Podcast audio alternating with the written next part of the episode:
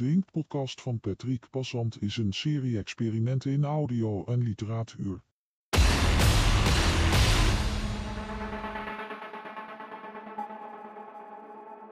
Welkom bij de Inkt-podcast 15. De ontdekking van Antarctica. Fictie over de Zuidpool en verder deel 2. Vorige maand namen Jules Verne en Edgar Allan Poe ons mee naar de Zuidpool, maar deze maand gaan we daar voorbij. We reizen met kapitein Zeegeboren de aarde in en we volgen Jeremiah Reynolds tussen de robbenjagers. En Casanova natuurlijk, dat is logisch.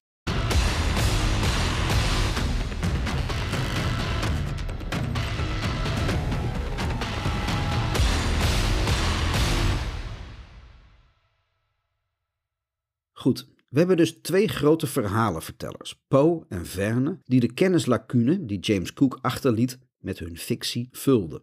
Maar ik stuit op nog een interessant boek, en dat is Simsonia, Voyage of Discovery, van Adam Seaborn uit 1820. De eerste science fiction roman uit Amerika en tevens een utopische roman. Seaborn vertelt in dit reisverslag over zijn reis naar de binnenaarde, hij is ervan overtuigd dat er achter de ring van ijs, die grofweg tussen de 70ste en 80ste breedtegraad ligt, land moet zijn met een acceptabel klimaat en vooral een heel groot gat, dat de ingang naar de binnenwereld vormt. Aan de Noordpool vermoedde hij ook zo'n gat.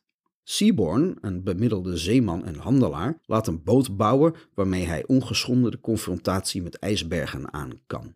Ronselt de bemanning die hij wijsmaakt op pelsen te gaan jagen en die bemanning van kapitein Zeegeboren heeft ook heerlijk maritieme namen als Will Mackerel, Mr. Bonito en Mr. Albicore. Je kan ze zo inblikken, die matrozen. Het schip weet de ijzige ring te doorbreken en vaart rustig verder, tot ze aan de stand van de sterren merken dat er iets gebeurd is. Ze zijn, als het ware, omgeklapt en varen nu aan de binnenkant van de aarde. Door het gat weerkaatst het zonlicht en verspreidt een heerlijk diffuus licht. En al gauw beginnen ze allerhande rare, grote beesten te zien, maar ook karetschildpadden, die normaal gesproken alleen rond de evenaar leven. Seaborn vergeet niet het land in bezit te nemen in naam van de Verenigde Staten. I first drew up a manifesto, setting forth that I, Adam Seaborn, mariner, a citizen of the United States of America, did, on the fifth day of November, Anno Domini 1817, first see and discover this southern continent, a part of which was between 78 degrees and 84 degrees south latitude, and stretching to the northwest, southeast, and southwest, beyond my knowledge, which land having never before been seen by any civilized people, and having been occupied for the full term of 18 days by citizens of the said United States, whether it should prove to be in possession of any other people or not, provided they were not Christians, was and of right ought to be the sole property of the said people of the United States, by right of discovery and occupancy, according to the usages of Christian nations. Ja, zo overzichtelijk kan kolonialisme zijn. Als er geen christenen wonen, dan is het van ons. Dat hebben wij namelijk met de christenen afgesproken. Maar die bewoners blijken er wel te zijn en ze komen nog christelijk over ook. Ze zijn wit, zo wit dat ze bijna doorschijnend lijken en zo delicaat dat Seaborn, in zijn eigen woorden, daarmee vergeleken meer op een grove, donkere Afrikaan lijkt.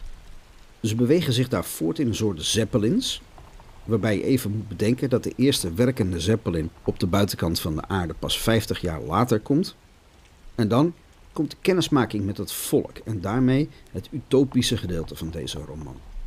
Ze leven daar in een soort socialistisch paradijs, egalitair. Iedereen is gelijk gekleed en ontzettend lief voor elkaar.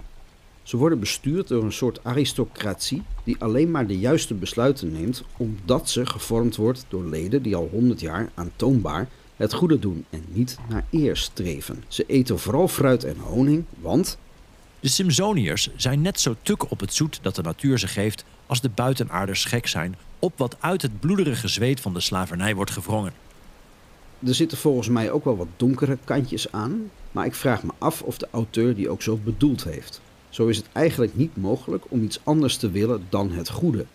Dus om ook maar iets te veranderen aan de huidige maatschappij, en als je dat toch doet, word je verbannen naar een soort exilstad, Belzubia. Dat is nabij de Noordpool. Er zijn geen wetten, want die kunnen maar verwarring zaaien, aangezien taal niet perfect is. En het oordeel van de waardigen is dat wel. Voor je het weet heb je verschillende interpretaties van wat goed is. En dat zet de deur naar de hel open natuurlijk. Een ander aspect is de omgang met vrouwen. Hoewel ze pas na vele hoofdstukken aan bod komen, wordt er gezegd dat ze niet worden beschouwd als intellectueel of moreel inferieur aan de mannen. En ze zijn heel mooi, want heel blank.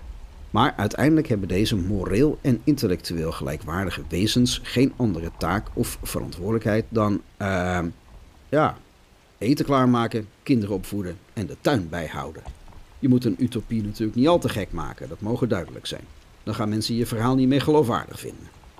Waar wij ijdelheid, passie, hebzucht en verdoving nastreven en onze productiemiddelen inzetten om die ondeugden te plezieren, niets van dat al bij de internals. Ze hoeven maar een paar dagen per jaar te werken om dat te produceren dat nuttig is, en de rest van de tijd kunnen ze genieten van wat de voorzienigheid ze schenkt. Waar een gebrek aan hebzucht al niet goed voor is.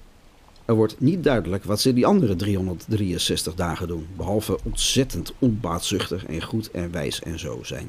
Maar voordat Seaborn ze kan verleiden om toch handel te drijven met hem, worden schip en bemanning gevraagd te vertrekken. De internals hebben de boeken gelezen die Seaborn aan boord had en zich een beeld weten te vormen van onze buitenwereld. En daar willen ze absoluut geen enkele verbinding mee hebben. That, from the evidence before him, it appeared that we were of a race who had either wholly fallen from virtue, or were at least very much under the influence of the worst passions of our nature. Dat, uit het bewijs dat voor hem lag, het erop leek dat we tot een ras behoorden dat ofwel geheel in ongenade was gevallen, ofwel op zijn minst heel erg onder de invloed stond van de ergste verleidingen van onze natuur. Dat een groot deel van ons ras werd beheerst door een onverbeterlijk egoïsme, die kanker van de ziel, wat volkomen onverenigbaar is met ingenieuze en liefdevolle welwillendheid tegenover onze medemensen. Dat we werden overgeleverd aan het toepassen van onrecht, geweld en onderdrukking. Zelfs in die mate dat we er troepen op nahouden van gewapende mannen, getraind om hun medeschepselen te vernietigen. Dat wij schuldig waren aan het tot slaaf maken van onze medemensen met als doel middelen te verwerven om onze sensuele verlangens te bevredigen. Dat we buitensporig verslaafd waren aan verkeer en onze mensen naar de verste delen van de buitenwereld gestuurd hadden om dingen te verkrijgen, door ruil of fraude of geweld, die schadelijk zijn voor de gezondheid en de moraal van degene die ze ontvangen. En dat deze praktijk zo ver werd doorgevoerd, dat moest worden ondersteund door bewapende schepen. Iets wat ongehoord is, behalve uit sommige oude manuscripten van de Belzubiërs, die door de goede mannen van Simsonia eeuwenlang als niets meer dan fabels waren beschouwd. Nadat hij deze en vele andere beschuldigingen tegen de buitenaarders had geuit, voegde hij eraan toe dat velen van zijn raad serieus vrezen dat het alleen maar onze buitensporige honger naar winst was, die mij en mijn volk ertoe had aangezet onze levens in gevaar te brengen in een onbekende regio, en dat het niet aan hun aandacht was ontsnapt dat mijn schip was uitgerust met geweldige vernietigingsmachines, ongetwijfeld om onze wil af te dwingen, waar onze doelen dit vereisten. Daarom was hij, de beste man, in de raad tot een besluit gekomen dat de veiligheid en het geluk van zijn volk in gevaar zou worden gebracht als hij verdere omgang met zulke corrupte en verderfelijke mensen toe zou staan. En waar het niet dat Seaborn al zijn lading verliest aan een hebberige frauduleuze handelaar, hij zou over deze reis gezwegen hebben, zoals hij had moeten beloven. Maar zijn financiële nood is zo hoog dat hij dit boek wel moet schrijven om zijn kinderen te eten te kunnen geven. Het kan verkeren, blijkt maar weer eens. Over de auteur bestaat nog wat onduidelijkheid. Lang is aangenomen dat de miskende genius achter de holle aarde hype, die toen door Amerika waarde, John Cleves Sims, de auteur van dit boek was. Omdat het tamelijk precies die expeditie beschrijft die Sims zelf niet van de grond kreeg. Dat hij de expeditie in het echt niet voor elkaar kreeg, hoeft de reisverslag natuurlijk niet in de weg te staan. In 2020 publiceerde de New Yorker een artikel waarin werd aangetoond, middels gebruik van JGAAP, dat is software die stilistische overeenkomsten zoekt, en die eerder al J.K. Rowling ontmaskerde, dat de auteur een zekere Nathaniel Ames was. Ames was een gesjeeste Harvard-student die de grote vaart koos en incidenteel een boek hierover schreef. Het boek deed weinig stof opwaaien.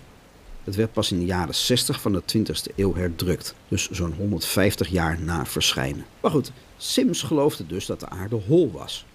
Hij was er vroeg bij, maar niet helemaal de grondlegger van dit idee. De astronoom Edmund Halley was in 1692 de eerste die de theorie formuleerde dat er binnenin de aarde nog een wereld kon zijn. Volgens hem zou de aarde bestaan uit drie schillen die onafhankelijk van elkaar kunnen draaien. Halley heeft in 1700 nog een poging gedaan de Zuidpool te bereiken. Nou, ik meen dat deze hypothese al snel werd ontkracht, maar dat hield sommige believers niet tegen om het vol te blijven houden. En eigenlijk is de bron nog ouder, namelijk Dante's Divina Commedia, want daarin daalt Dante met zijn gids Virgilius af in de negen ondergrondse verdiepingen van de hel. Laat varen alle hoop, gij die hier binnentreedt, staat er boven de ingang. En wat te denken van Giacomo Casanova, die naast vrouwenverslinder ook schrijver was en de Ico Samerone vanaf 1788 publiceerde. Een 1800 pagina's tellende roman in vijf delen, waarin hij het verhaal vertelt van een broer en zus in een ondergrondse beschaving. In de woorden van zijn eigen vertaler Theo Kars. Korte inhoud. De 14-jarige Engelse jonge Edward en zijn twee jaar jongere zusje Elizabeth lijden schipbreuk bij de Lofoten en worden door de maalstroom in een lode kist naar het binnenste van de aarde getrokken. Daar wonen de megamikren, zo genoemd omdat zij klein van stuk, maar groot van geest zijn. Zij zijn man en vrouw tegelijk en worden als tweelingen op raadselachtige wijze uit eieren geboren. Ze zijn gekleurd, hebben borsten, geen tanden en communiceren niet door te praten, maar te zingen. Edward en zijn zusje wonen 81 jaar in hun rijk. Ze krijgen in el tempo kinderen, 40 tweelingen en een omvangrijk nageslacht. Ten slotte komen ze door een explosie weer op het aardoppervlak. Deze roman is zo dik geworden omdat Casanova ondraaglijk gedetailleerd en wijdlopig de wereld van de megamicren beschrijft. Tegenover het maximum aan beschrijvingen staat een minimum aan actie. Het boek is van het begin tot het einde onleesbaar. Nou, dan moet je het wel bond gemaakt hebben als je eigen vertaler je boek onleesbaar vindt. En we hebben nog Vril, The Power of the Coming Race uit 1871, geschreven door pulpfenomeen Sir Edward Bulwer Lytton. Past ook in de traditie van de Hollow Earth. In dit boek wordt het binnenste van de aarde bewoond door een groep mensen die afstammen van overlevers van de zondvloed. Ze kunnen ondergronds leven dankzij een geheimzinnige energiebron, en dat is die vril uit de titel. En natuurlijk is deze beschaving ook heel erg ontwikkeld en zo, maar ik ga er niet verder op in om de simpele reden dat deze beschaving wordt gevonden door in een mijn af te dalen en niet via de Zuidpool. En om diezelfde reden ga ik ook niet in op een ander boek van Jules Verne, Een reis naar het middelpunt van de aarde uit 1864. In dit boek klimt professor Liedenbrock met zijn neefje Axel en assistent Hans via een IJslandse vulkaan naar de binnenaarde, alwaar ze nog een oceaan aantreffen en allerlei op de buitenaarde al lang en breed uitgestorven beesten. Aan het eind worden ze door de binnenaarde weer uitgespogen en komen boven op het Italiaanse vulkaaneiland Stromboli. En in dit verhaal is geen sprake van een beschaving die de onze ver voorbij is, maar is juist de prehistorie bewaard gebleven inclusief een oermens en een pliosaurus, dat is een oerkrokodil van 13 meter. Ook na de uiteindelijke ontdekking van de Zuidpool blijft de theorie van de Hollow Earth soms in fictie opduiken. De Britse horrorschrijver H.P. Lovecraft schreef erover.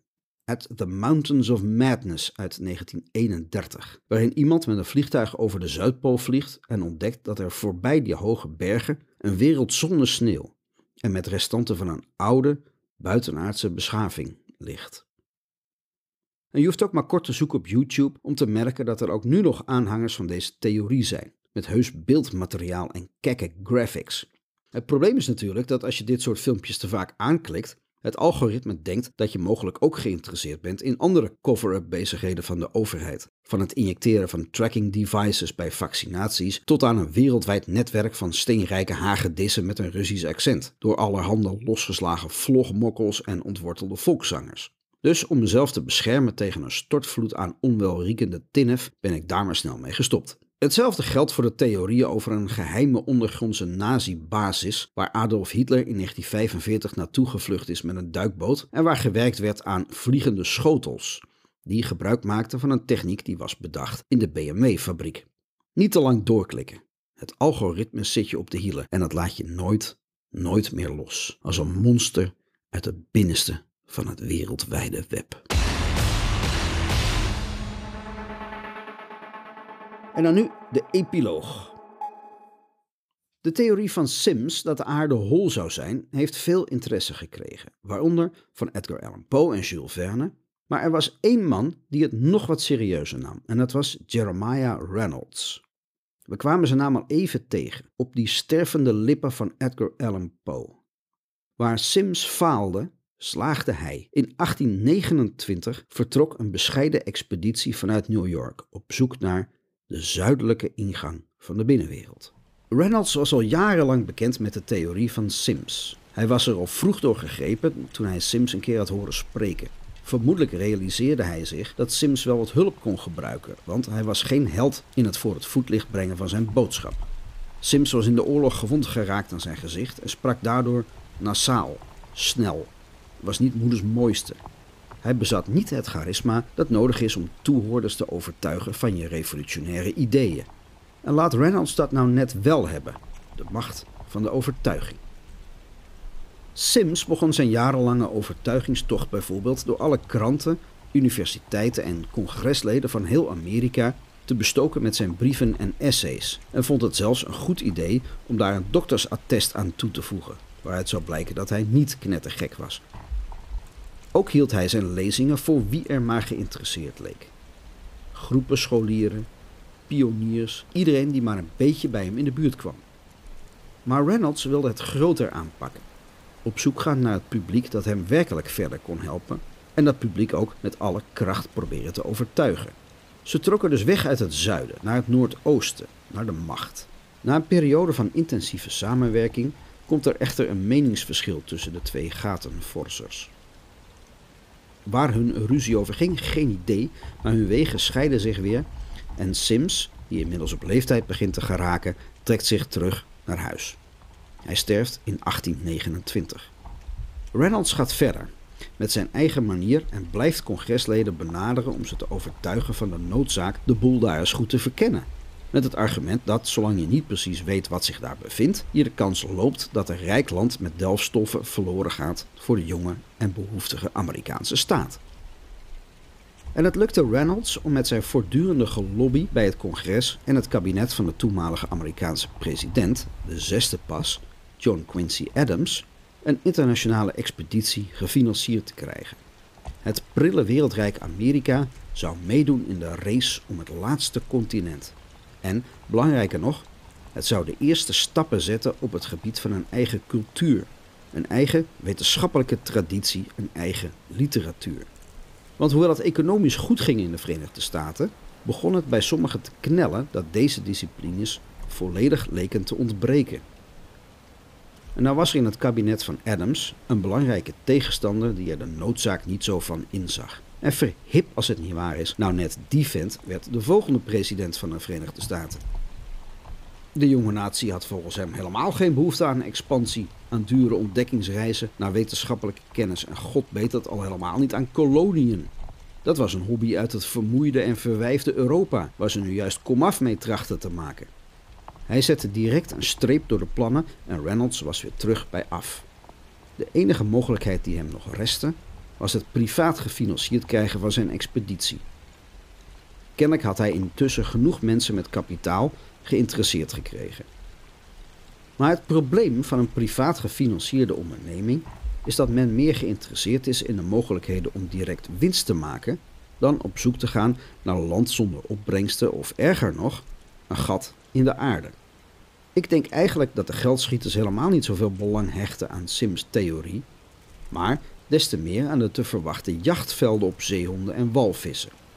Want dat is ook wat er in Simpsonia te lezen is. De binnenwerelders willen geen handel drijven met het uitschot dat buiten op de schil van de aarde schimmelt, maar het schip kwam wel mooi met 117.000 bondvelletjes terug. Reynolds kreeg zijn expeditie maar hij kwam niet aan het hoofd te staan. Dus toen in oktober 1829 een drietal schepen vanuit New York vertrok en met veel gevaren en zo Antarctica naderde, had Reynolds het idee dat ze de wetenschap gingen dienen. Maar had de leider van de expeditie, en waarschijnlijk ook de geldschieters erachter, andere plannen. De leider van de expeditie was Nathaniel Palmer. En dat was niet zomaar iemand. Hij was een van de drie ontdekkingsreizigers die negen jaar eerder ongeveer gelijktijdig als eerste het vasteland van Antarctica waargenomen hadden. Samen met de Brit Bransfield en de Rus von Bellingshausen. Deze man kon dus uit eigen ervaring spreken. Er was daar land onder de juiste omstandigheden te bereiken. Maar zijn drijfveren waren niet gericht op het betreden van dat land. Hij kwam voor zeehonden en walvissen.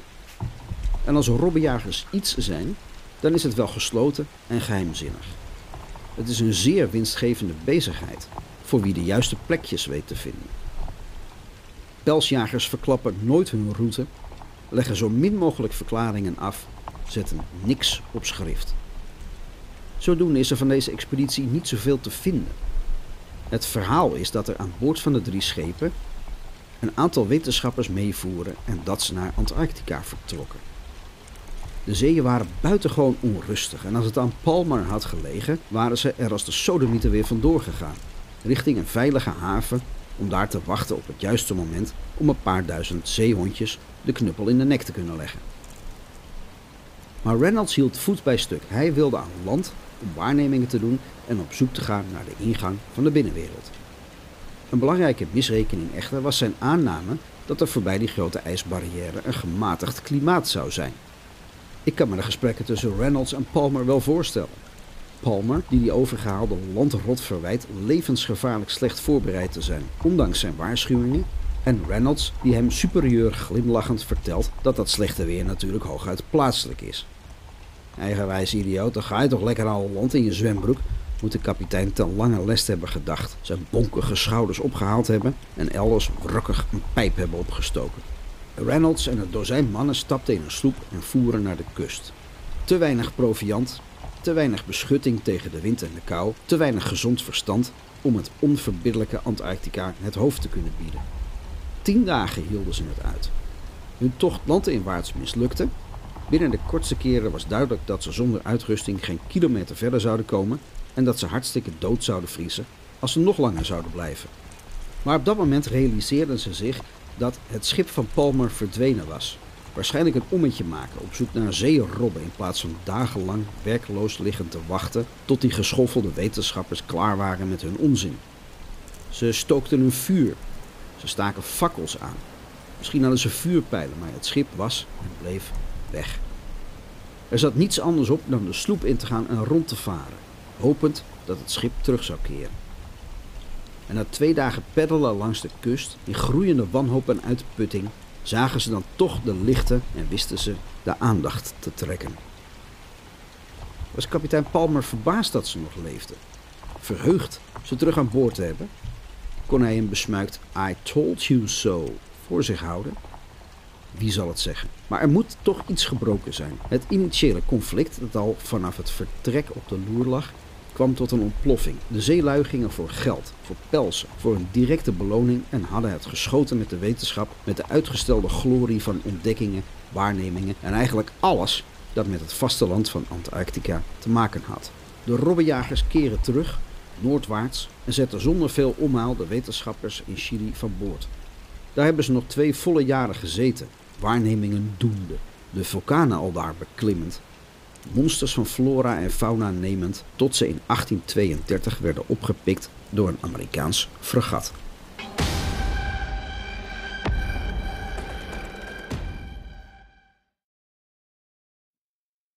Geen idee wat er van het hele verhaal klopt, maar hey, dat is natuurlijk het minst interessante aan verhalen. Dit was de Inkt-podcast De Ontdekking van Antarctica, fictie over de Zuidpool en verder. Tekst Patrick Bassant en de geciteerde auteurs. De tweede stem is van Paul den Arend, de derde van Matthew. Opname, montage en sounddesign Patrick Bassant. Ik wil er even bij vertellen dat ik op Simsonia, het boek van Ames, of Sims, werd gewezen tijdens het lezen van een geweldig boek Niemandsland, een Antarctische ontdekkingsreis van Adwin de Kluiver. Dat is een vrij recent boek waarin de kluiver een berg aan informatie over de Zuidpool, als mede zijn eigen ervaring daar, heeft samengebracht in een divers meesterwerk waar de lees- en vertelkunst vanaf spat. Van homoseksualiteit bij pinguïns, de enige Japanner op de Zuidpool, een Nederlandse walvisjager, de honden die de ontdekking van de pool mogelijk maakten, de eerste vrouw op Antarctica en de albatros. Overigens schreef Jeremiah Reynolds ook nog het boek Mokka Dick over een agressieve witte walvis. Daar is later ook iemand mee aan de haal gegaan en heel beroemd mee geworden. En weet je wie ook nog wat schreef? Jules Verne. We hebben het al over hem gehad, maar ik kom er nu, nu de tekst voor deze podcast zo goed als af is, achter dat hij een boek heeft geschreven dat kan gelden als het vervolg op Poe's avonturen van Arthur Gordon Pym. Een boek dat De IJssphinx heet. Daarin gaat men op zoek naar Bennet Island en Tsalal, die twee eilanden in de Zuidpoolzee. Moet ik dat weer gaan opsnorren? En ik kwam er ook achter dat Umberto Eco in zijn encyclopedie van heimelijke zotskap, de slinger van Foucault, ook uitgebreid ingaat op Hollow Earth wappies. Pff. Nou, dat is mijn chaotische manier van werken. Het ene boek leidt tot het andere. Ideeën, associaties, chaos, toeval, omissies en moedwil. En zo komt er natuurlijk nooit een einde.